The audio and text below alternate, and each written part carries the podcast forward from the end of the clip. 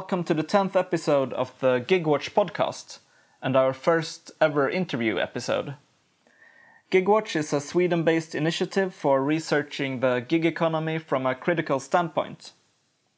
My name is Sebastian, and with me today I have Lovina and Ella. This episode is an interview with Jack Campbell, who is a Copenhagen based writer for the food delivery platform Wolt. Wolt is one of the largest food delivery companies in Denmark, with a position comparable to Foodora in Sweden or to Deliveroo in the United Kingdom. Jack is also a member of the Wolt Workers Group, which is a grassroots organization among workers at Wolt, as well as a researcher on the Danish labor market and the impact of the gig and platform economy on it. His articles have appeared in publications such as Notes from Below and Jacobin, and uh, we are very happy to have him with us here today. Welcome. So, for someone who doesn't uh, know you and have read your texts, who are you and uh, what do you do? okay, so um, yeah, I'm Jack. Um, so I'm an organizer with the Wolt Workers Group, um, and yeah, we're trying to organize um, yeah Wolt couriers who are yeah like a food platform couriers here in um, in Denmark. Uh, and yeah, I also also research uh, precarity uh, in the Danish labour market in general. Great. So uh, we have uh, read your uh, articles. You have written about your about your work with Wolt and about your research in Notes from Below, which is magazine that's focusing on uh, like basically uh, workers writing about their work and uh, analyzing it. Uh, and also, you have written an article in uh, Jacobin magazine. Mm-hmm.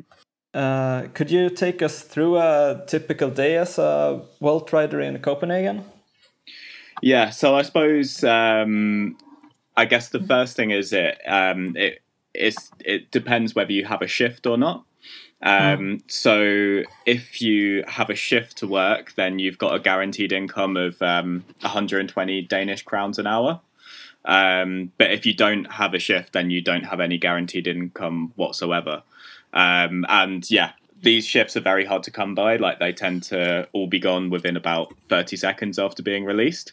Um, so yeah, so especially for people who are working more, it's yeah, kind of very difficult to be getting um, getting enough shifts in order to be financially um, supporting yourself.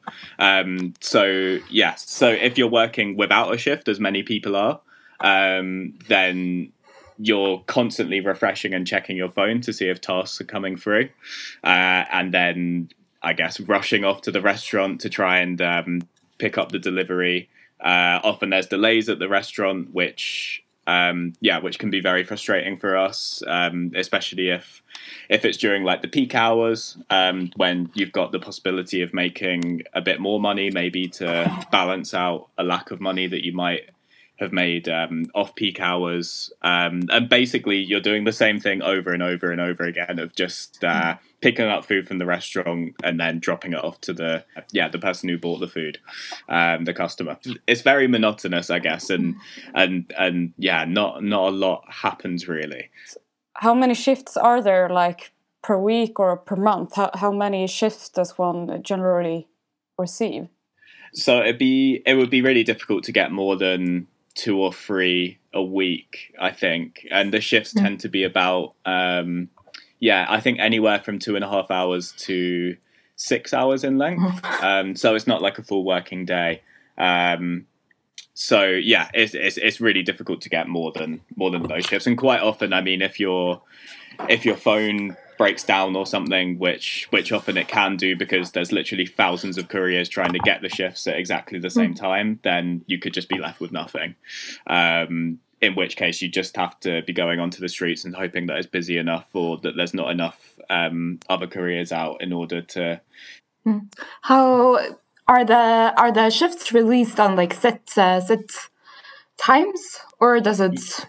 Yeah, vary? yeah. So, so, you know in advance when the shifts are going to be released. So it's twice mm. a week that they're released, um, and yeah, basically you just have to like a, a minute or two before you have to have it up on your phone and you're just um, yeah constantly refreshing the page uh, and then yeah and then you know it hits hits the time like eight o'clock in the morning or whatever and then suddenly they're all out there and you just have to be clicking um, and it could be that one that you've clicked on has already been taken by too many people um, or it could be that you get lucky and get a load of shifts but yeah it's it's just complete luck and i mean people um, yeah, there's kind of like uh, support workers, like office workers who, yeah, kind of act as our bosses in a way, I suppose, who couriers can contact and, and they can contact couriers as well.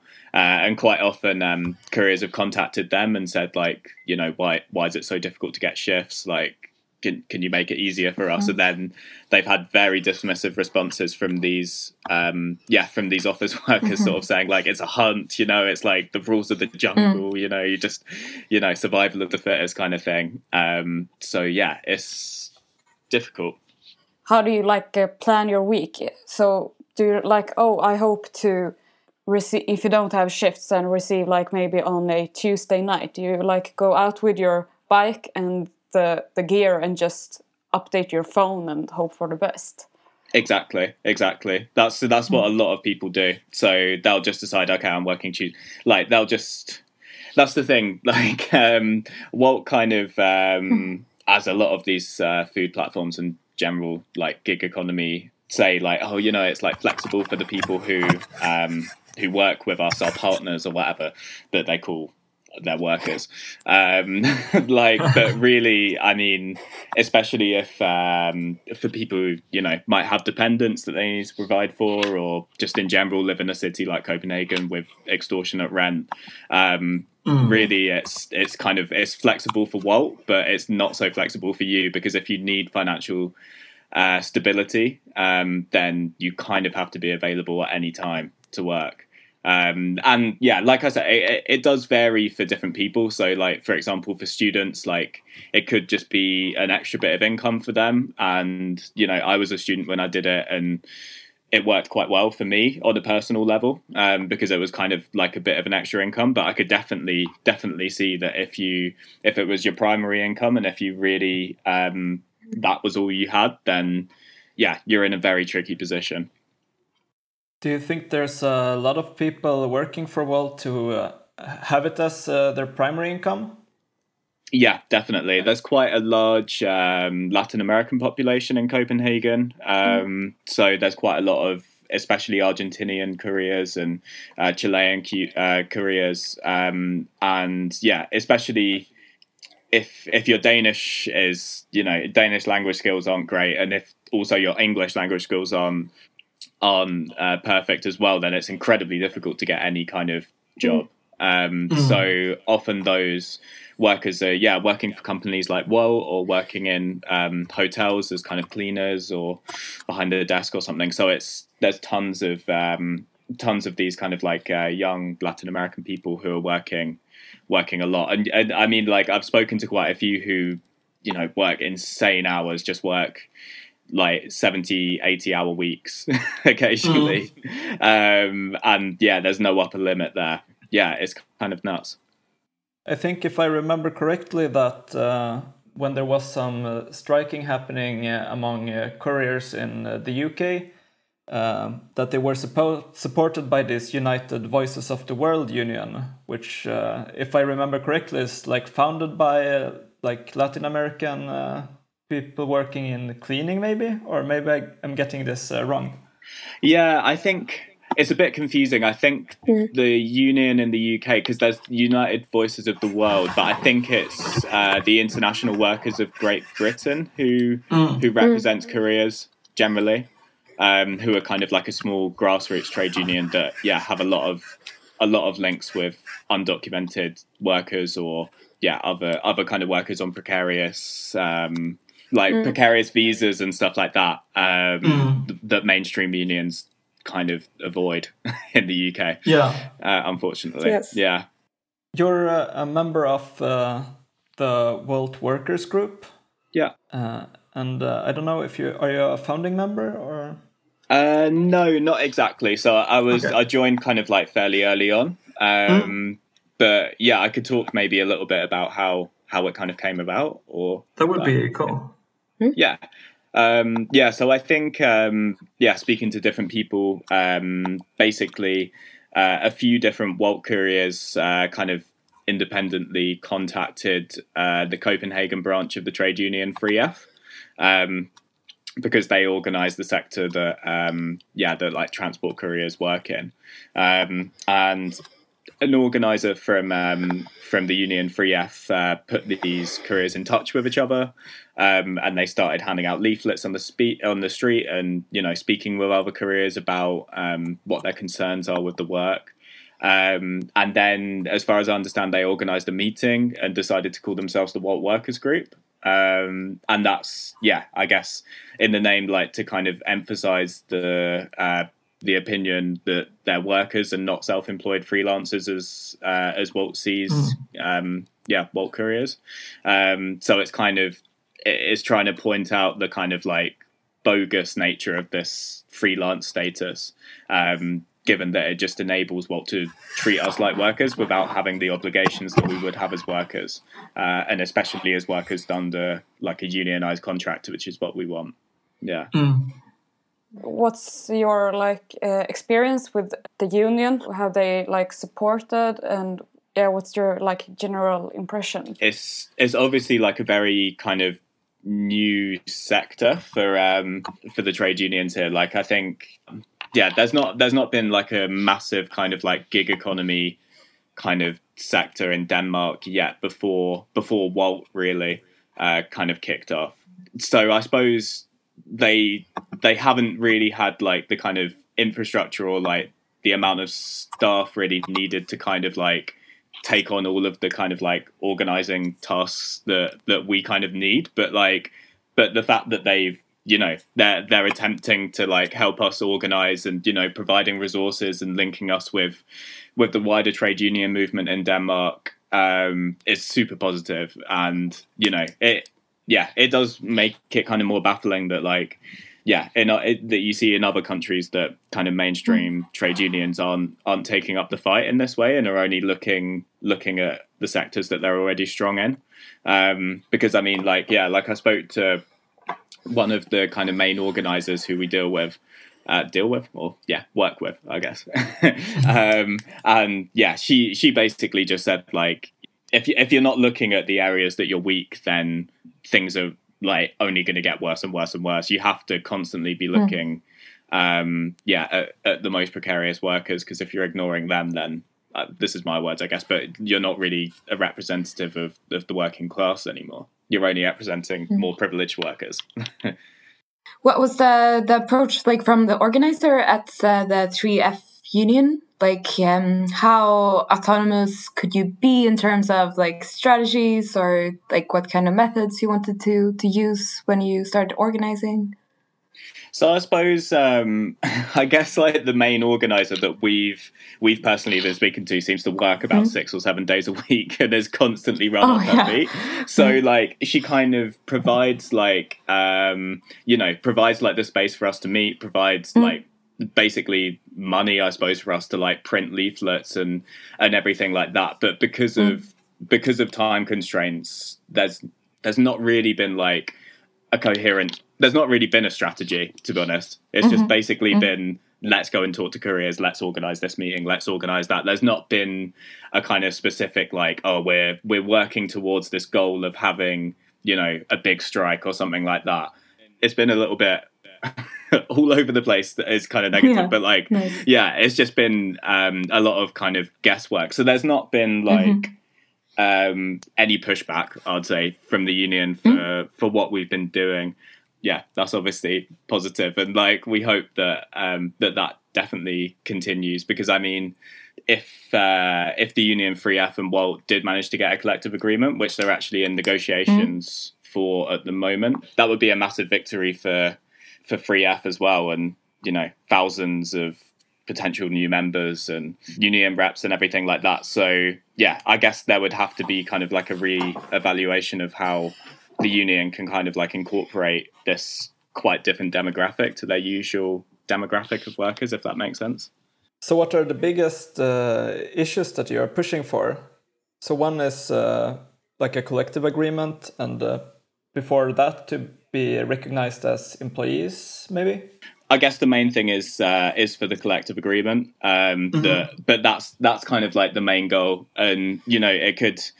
We recognise that that could you know take an, like it could take years for all we know, mm. or um, so yeah. There's definitely there's definitely things um, that we're kind of focusing on as well as that. I suppose like the worker status is definitely something that we want would want in a in a collective agreement, but I suppose I'd be a bit wary to say that we're pushing for worker status in general because quite a lot of careers mm. um, are kind of a bit skeptical about the worker status. Um, mm. And a lot of our arguments have been that it's still possible to have the flexibility or, or, a lot of the flexibility, not all of the flexibility, um, but a lot of the flexibility that we have under our current current contract, as well as security um, and these extra kind of benefits that we would have in a CBA.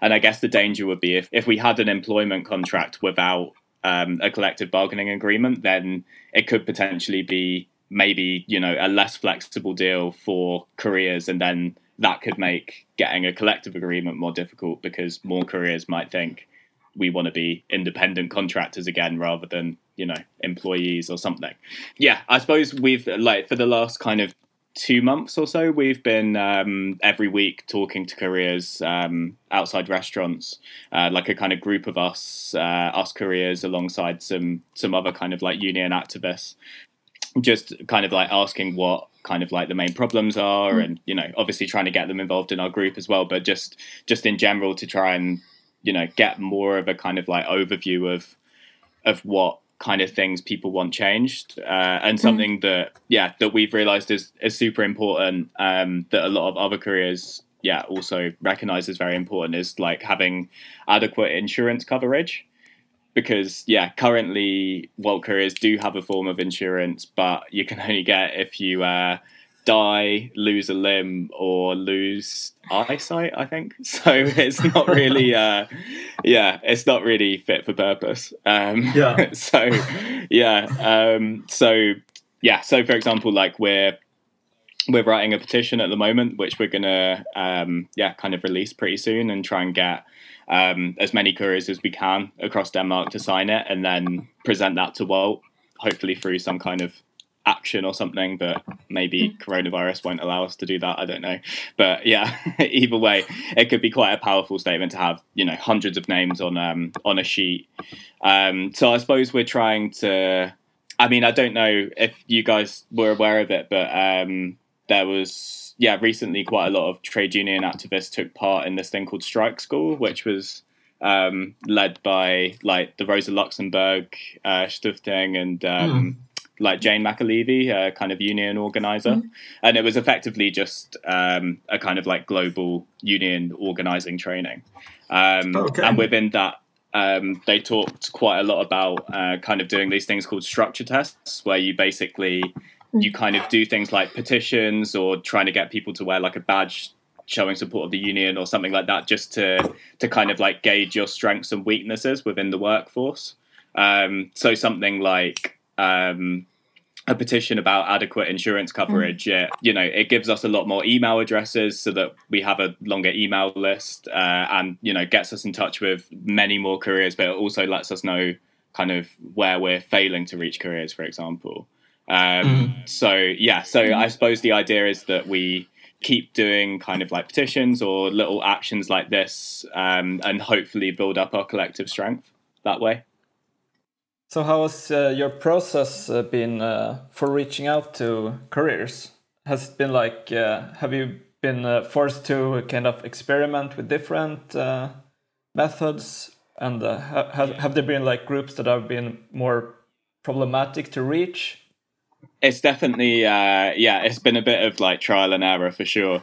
The conclusion that we've come to really is the best the best way to reach careers is through face to face conversations which obviously means that we you don't necessarily reach all the careers that you could be, um, which is a shame. But um, but through kind of standing outside restaurants, um, like some of the busiest restaurants in the city, uh, in different areas of the city, then you just meet so many different careers, and you can actually have even if it's just a five minute conversation, at least kind of like a proper and honest conversation with people. Whereas um, for a lot of this year, we've been trying to engage with uh, careers online, um, which, yeah, we haven't found to be particularly useful because if, you know, if people have concerns or you know aren't quite sure what the what what the Wolt Workers Group is about and maybe have a negative view of uh, trade unions from you know from their home country or or whatever reason then um, yeah it can kind of turn into like a bit of a back and forth between you know pro union people and anti union people rather than mm.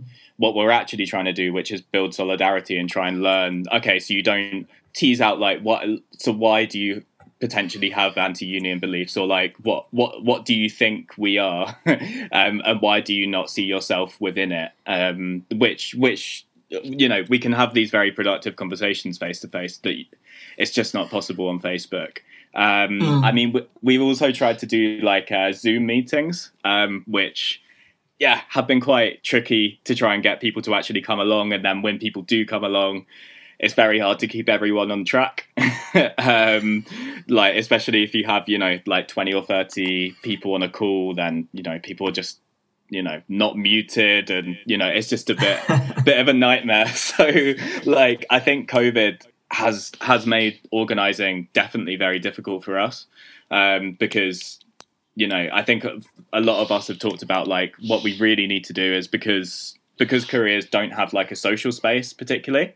Um, and you know i think it's something that is wanted. Like the best thing would be if we could you know set up like a bar with cheap drinks maybe in like a union office or something like that on Friday nights just to meet people and you don't even necessarily talk about these things, but maybe try and push the conversation in that direction. But mm. um, just to build some kind of place where we can actually mingle would be super positive. But um, but yeah, it's been it's been tough. But but we've still managed to get some things and we still, you know, we've got like um, we've got a really long email list now of, of careers who've who've shown a lot of interest in what in what we're doing and you know we're getting more and more kind of people contacting us and stuff like that. So yeah despite the challenges we've still managed to to do something which yeah is good.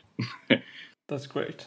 So in what way would you say that uh, the covid-19 pandemic has affected uh, like on the one hand the work as a courier, and uh, on the other hand, or they're not separate hands, but uh, on the other hand, uh, uh, organizing.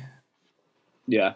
Um, so in terms of the work, I think especially um, when yeah when the pandemic first kind of uh, got big, or like there was when there was a, a lockdown first introduced in uh, in Denmark in early March. Uh, I guess it was quite a confusing time for a lot of careers because, on the one hand, obviously it was quite sort of scary that yeah there weren't many people out on the streets at all other than you know careers. Um, but on the other hand, uh, because people weren't leaving the house and restaurants were closed, there were a lot more takeaway deliveries. So it was possible to make a lot more money than it usually would be in March. Um, but there was also like kind of like the health risk. Um, I mean, I think one thing um, about about the kind of outbreak of the pandemic is it's it's really brought home to a lot of careers like the importance of having adequate sick pay especially given that quite a lot of the workforce is quite young. Yeah, it's not a thing that a lot of young people necessarily think about. They just think, "Oh, I'll be fine," or "I don't need that," or whatever. Whereas, you know, under with this pandemic, it's kind of it's more clear to people that stuff happens, I suppose.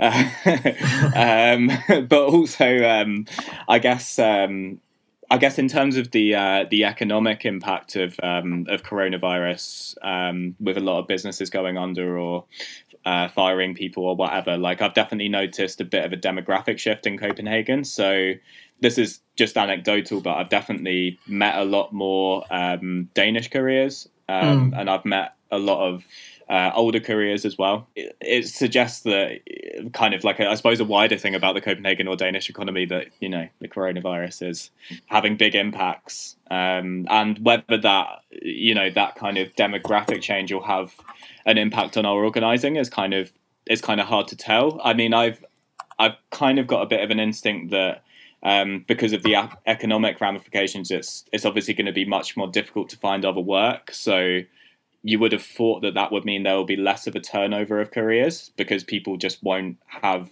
other choices. So while that's obviously a very very negative thing, like that could be um, beneficial to our organizing in the sense that more people will be doing the job who don't necessarily want to be doing the job rather than just quitting when they when they hate it by finding another job.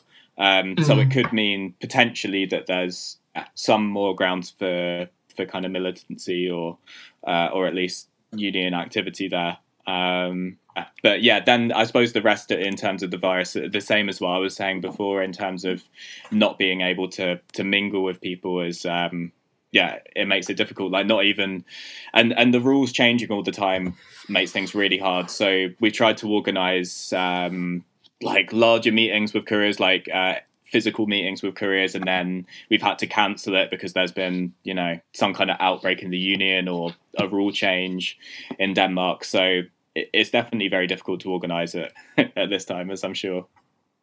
What has Wolt's uh, response to the corona been? Like, what have they done?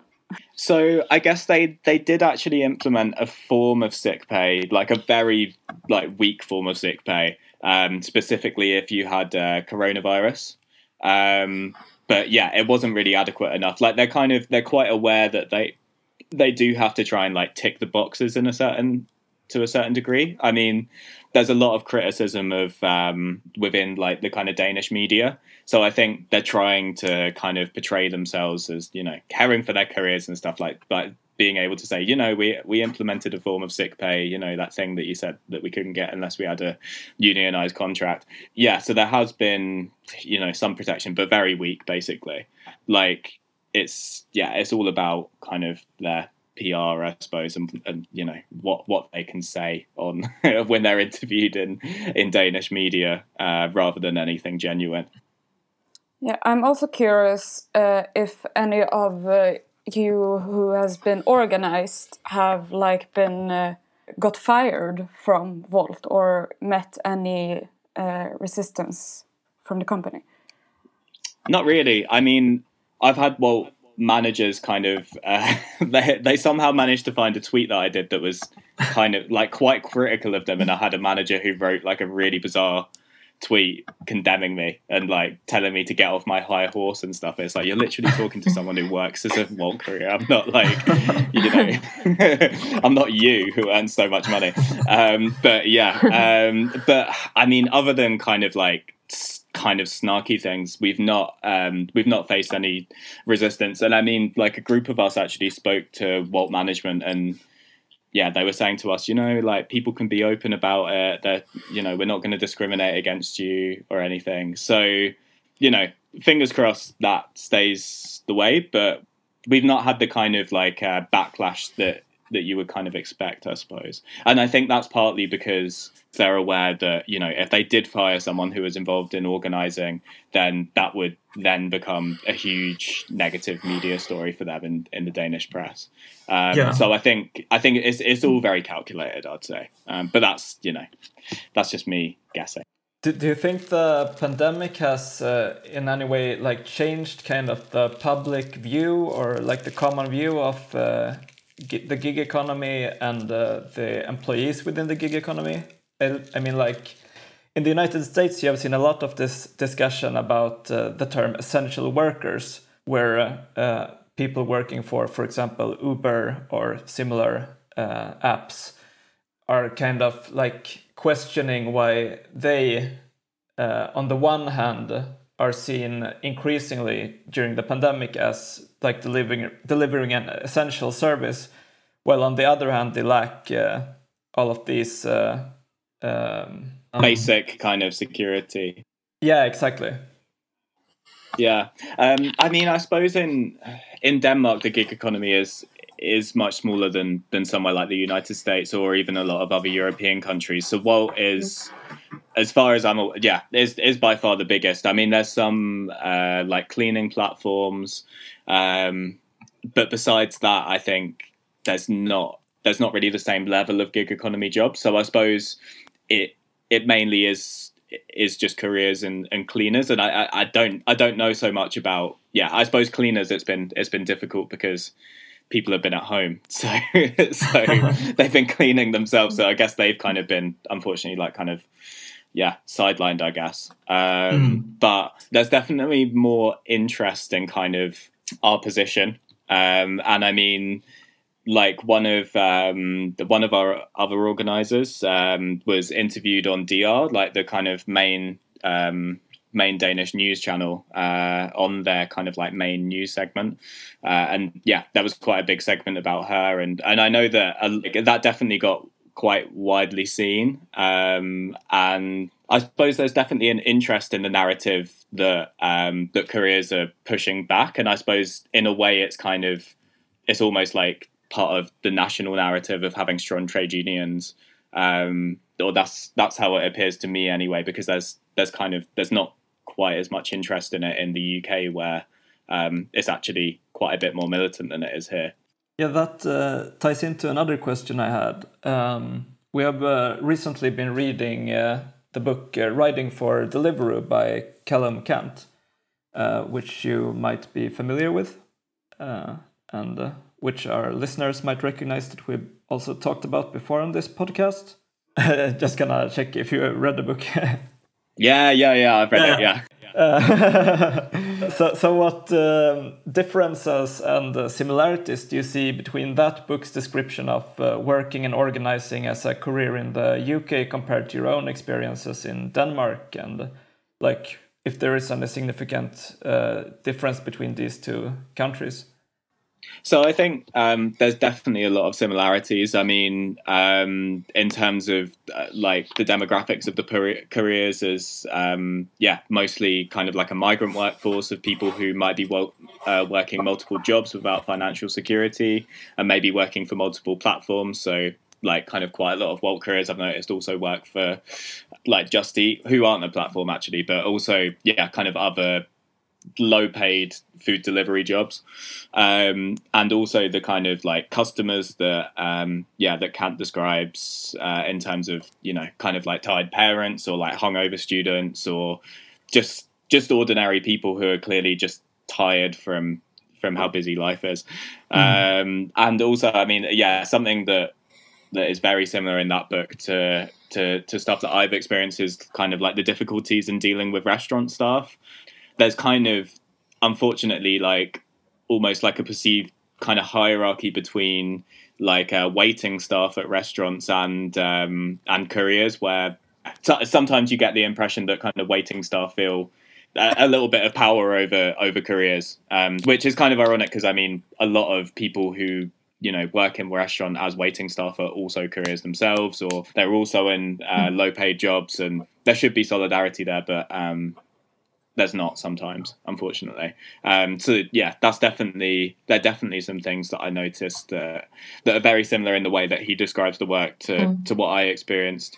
Um, but yeah, kind of as we mentioned, touched on a little bit earlier, like we're organising with um, with 3F, who are the largest trade union in Denmark, um, whereas Couriers in the UK primarily organise with yeah with the small grassroots trade union IWGB. Um, mm. And sometimes even their organizing is not, it's not really even affiliated even with like a grassroots trade union. It could just be that a group of moped riders decide to go on strike or something like that um, together uh, without having any experience of, of labor hmm. organizing. Mm. They're just, yeah, it's kind of like a organic kind of thing. Yeah, so that's kind of like a big kind of difference that I've noticed. Um, I guess like it's kind of reflective of of the position that the two countries are in in a sense because you know the labour movement's been so weakened in the UK um, since since the 1980s and you know in mm. the in the 2010s as well under yeah different governments I suppose whereas in Denmark there's obviously still a strong kind of trade union movement um, even if it you know sometimes can be kind of quite mm. institutionalized there's a lot of people still identify themselves with um, the labor movement uh, in a way that people in um, in the UK might might not so much. Um, so I think it allows um, Danish trade unions to be more expansive um, and to uh, kind of look mm. outwardly at these sectors and work out how to um, how to organise these sectors where whereas in the UK it's kind of not quite as easy, unfortunately. Not that's that it's easy here in any way, but yeah.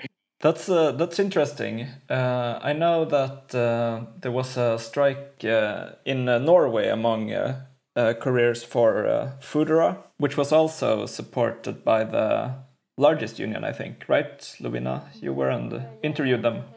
Yeah, it's the same like the Norwegian LO as as been like in Danish. It's the Danish LO there as well. Well, in Sweden, I think they've been a bit more slow. So um, I know that uh, is a it's a global platform, or at least it's a multinational platform. Yeah. Uh, have you had any contact with uh, careers for Wolt in other countries? Yeah, so we've had we've actually had quite a lot. Like, like we um, we kind of just started like a kind of like Wolt Workers Group Facebook group only for careers.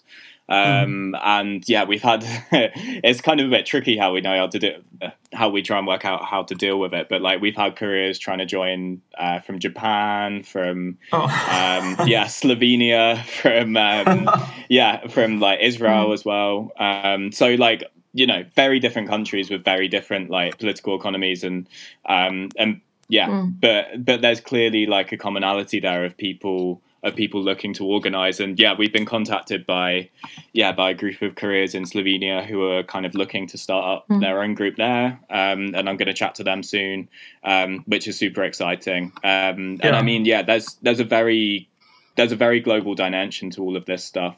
Um, like obviously, the way that Wolt operates, um, you know, will depend on um, local factors. Like I would imagine, although I don't know for certain, that it's probably it's probably better to work for Wolt in somewhere like Denmark than it is uh, in another country with potentially mm. lower labour standards, um, mm. just because they have to adjust to, to local settings, I suppose. Um, but there's mm. there's definitely so many so many commonalities to this kind of work, and I think I think careers are are really interested in um, in how it in how it works in other countries and what what people are doing in other countries. Like I think I think careers do kind of uh, somewhat identify themselves as careers in that sense, and in, in the kind of like a way that like dock workers traditionally have done as well. Like, do you think there's any like dangers in organizing? For example, like uh, we have seen in uh, California, where uh, uh Uber and uh, Lyft threatened to uh, like pull out all of their business from the from the state, which will leave a lot of people unemployed. Do you think something like that could be like a risk with organizing against a company like Wolt?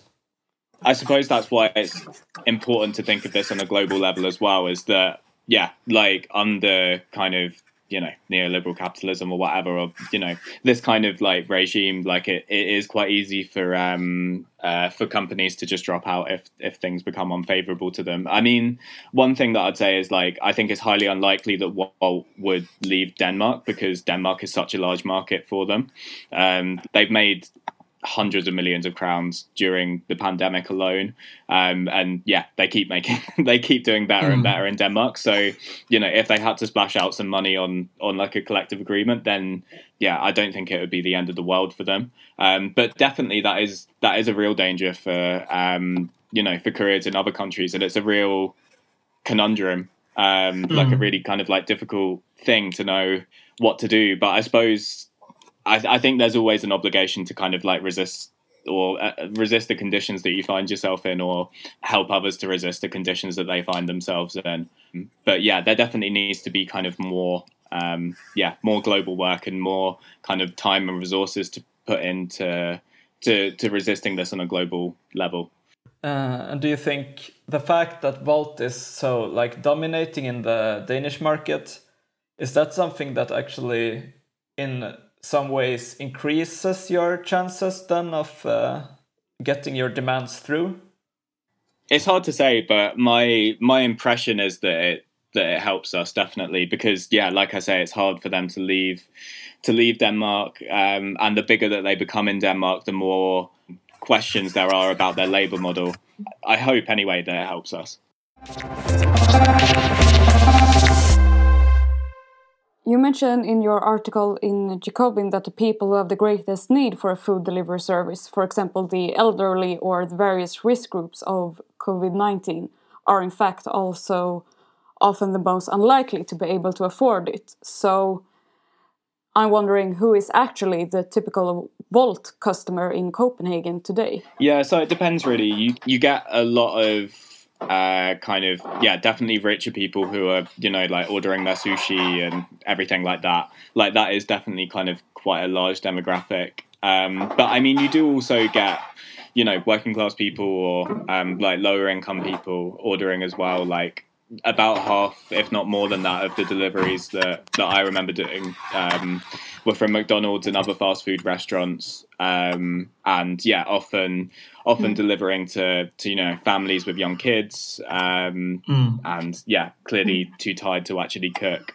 I suppose what I was trying to argue in that um, in that article was that the actual work that couriers do in terms of delivering food is very uh, socially positive, I suppose, or what's the word? Like kind of um, yeah, like it's, it's hmm. it's kind of a social good in a sense that providing potentially healthy food to people who uh, who maybe don't have the time to cook themselves or or or whatever. And you know, if you know if, if states started thinking like of implementing like a kind of like food service, then the kind of algorithmic technology that the Wolt uses, for example, could could reach those who who need it the most. It, it was rare that we would deliver to people, for example, who had debilitating kind of illnesses or something like that, who you know maybe physically can't can't make their own food. You know, I think there's potential for this technology to be used in a positive way. Yeah, I I, I find that interesting uh, about uh, the the gig economy. This uh, the fact that it kind of, I suppose, like this kind of algorithmic technology would make it possible to arrange work in a way that's like less dependent on bosses in uh, like a potential non-capitalist society. Yeah. of course, that would require some very big uh, changes in how the algorithms work, I guess. do, do you think uh, that the um, way the algorithms work today, in what ways is it like uh, very clear that it's uh, like used for capitalist ends. I suppose it's yeah. It, it, it becomes very clear like as soon as you work for Wolt that it's that it's run in a way to maximize profit. It doesn't necessarily make the most sense. Some of the routes that like some of the you know journeys that you do and like the waiting time that you have and and stuff like that. But it's, it's hard to kind of explain it in a very clear way. But once you start doing the work, it does become clear that it's yeah, it's to maximize uh, kind of profits and and doesn't you know like for example consider the career. So I suppose I suppose like one example is like if you're you know if you're coming towards the end of your shift, then you could be you know ten kilometers from your house or something like that, and there's no mm-hmm. way of kind of like reordering or whatever like trying to you know write in the app that like you kind of want to be aiming towards home or something like that um, yeah, yeah. whereas you know if mm if it was thinking, you know, algorithms don't think. If it, if it if it was programmed in a way to act in a way that was, um, you know, beneficial to to the workers as well, or then potentially it could like factor in those kind of things. I mean, that's a very banal example, and there's definitely mm. there's definitely much worse examples that I can't really think of right now. It, it's all built around maximizing profit and, and nothing else. Yeah, I remember I was reading in the Riding for Deliveroo book uh, where uh, Kent describes uh, how uh, like all the details of the orders are kind of revealed. Uh, not everything is revealed from the start, but it's like it's revealed gradually, which really feels like kind of a way to uh, like kind of minimize the knowledge and power that the workers have over their shifts and the working day. Yeah, exactly. That's definitely something that's really important. I mean, you don't find out who you're delivering to or where you're delivering it until you pick up the food from the restaurant um, and yeah, you have no idea about how your performance is being monitored. Um, and in your contract, it says that that you have to, um, you know, work to a certain acceptable standard. What that acceptable standard is is never explained. Um, mm-hmm. You know, whether that means being late for a delivery or, uh, shitting in someone's food or something. It's never like like the grounds of it are never uh, are never are never explained. Uh, obviously, yeah. the latter, I think, you probably shouldn't be a career if you're doing that. But yeah, uh, but like um, it kind of acts as this kind of black box, I guess, where you just don't know how you're being monitored. It's like yeah, mm. kind of like um, panopticon kind of thing, where you're like you yeah. could be constantly being watched, but you don't know if you are or you're not. And yeah, it's very strange. And a lot of careers kind of uh, spend a lot of time trying to work out how exactly the algorithmic system mm. works, like whether it favors people who are working with a shift or not. And you know, I don't know what's true and what isn't, and no one does. And you know, mm. that's that's the bizarre thing. You know, if you're working in like a kind of industrial capitalism job, like you know, like on a factory floor or something, then you've got you know, you know what you're making, and you you have you can mm. work out what's going on, whereas you can't with this algorithm that was all we had for today. Thank you so much for listening, and thanks to Jack Campbell for taking his time to talk to us. You can read more about us in Gigwatch at our website, gigwatch.se, uh, where we also have translated our whole web page into English. Uh, and you can follow us on social media under the name gigwatch.se. Goodbye.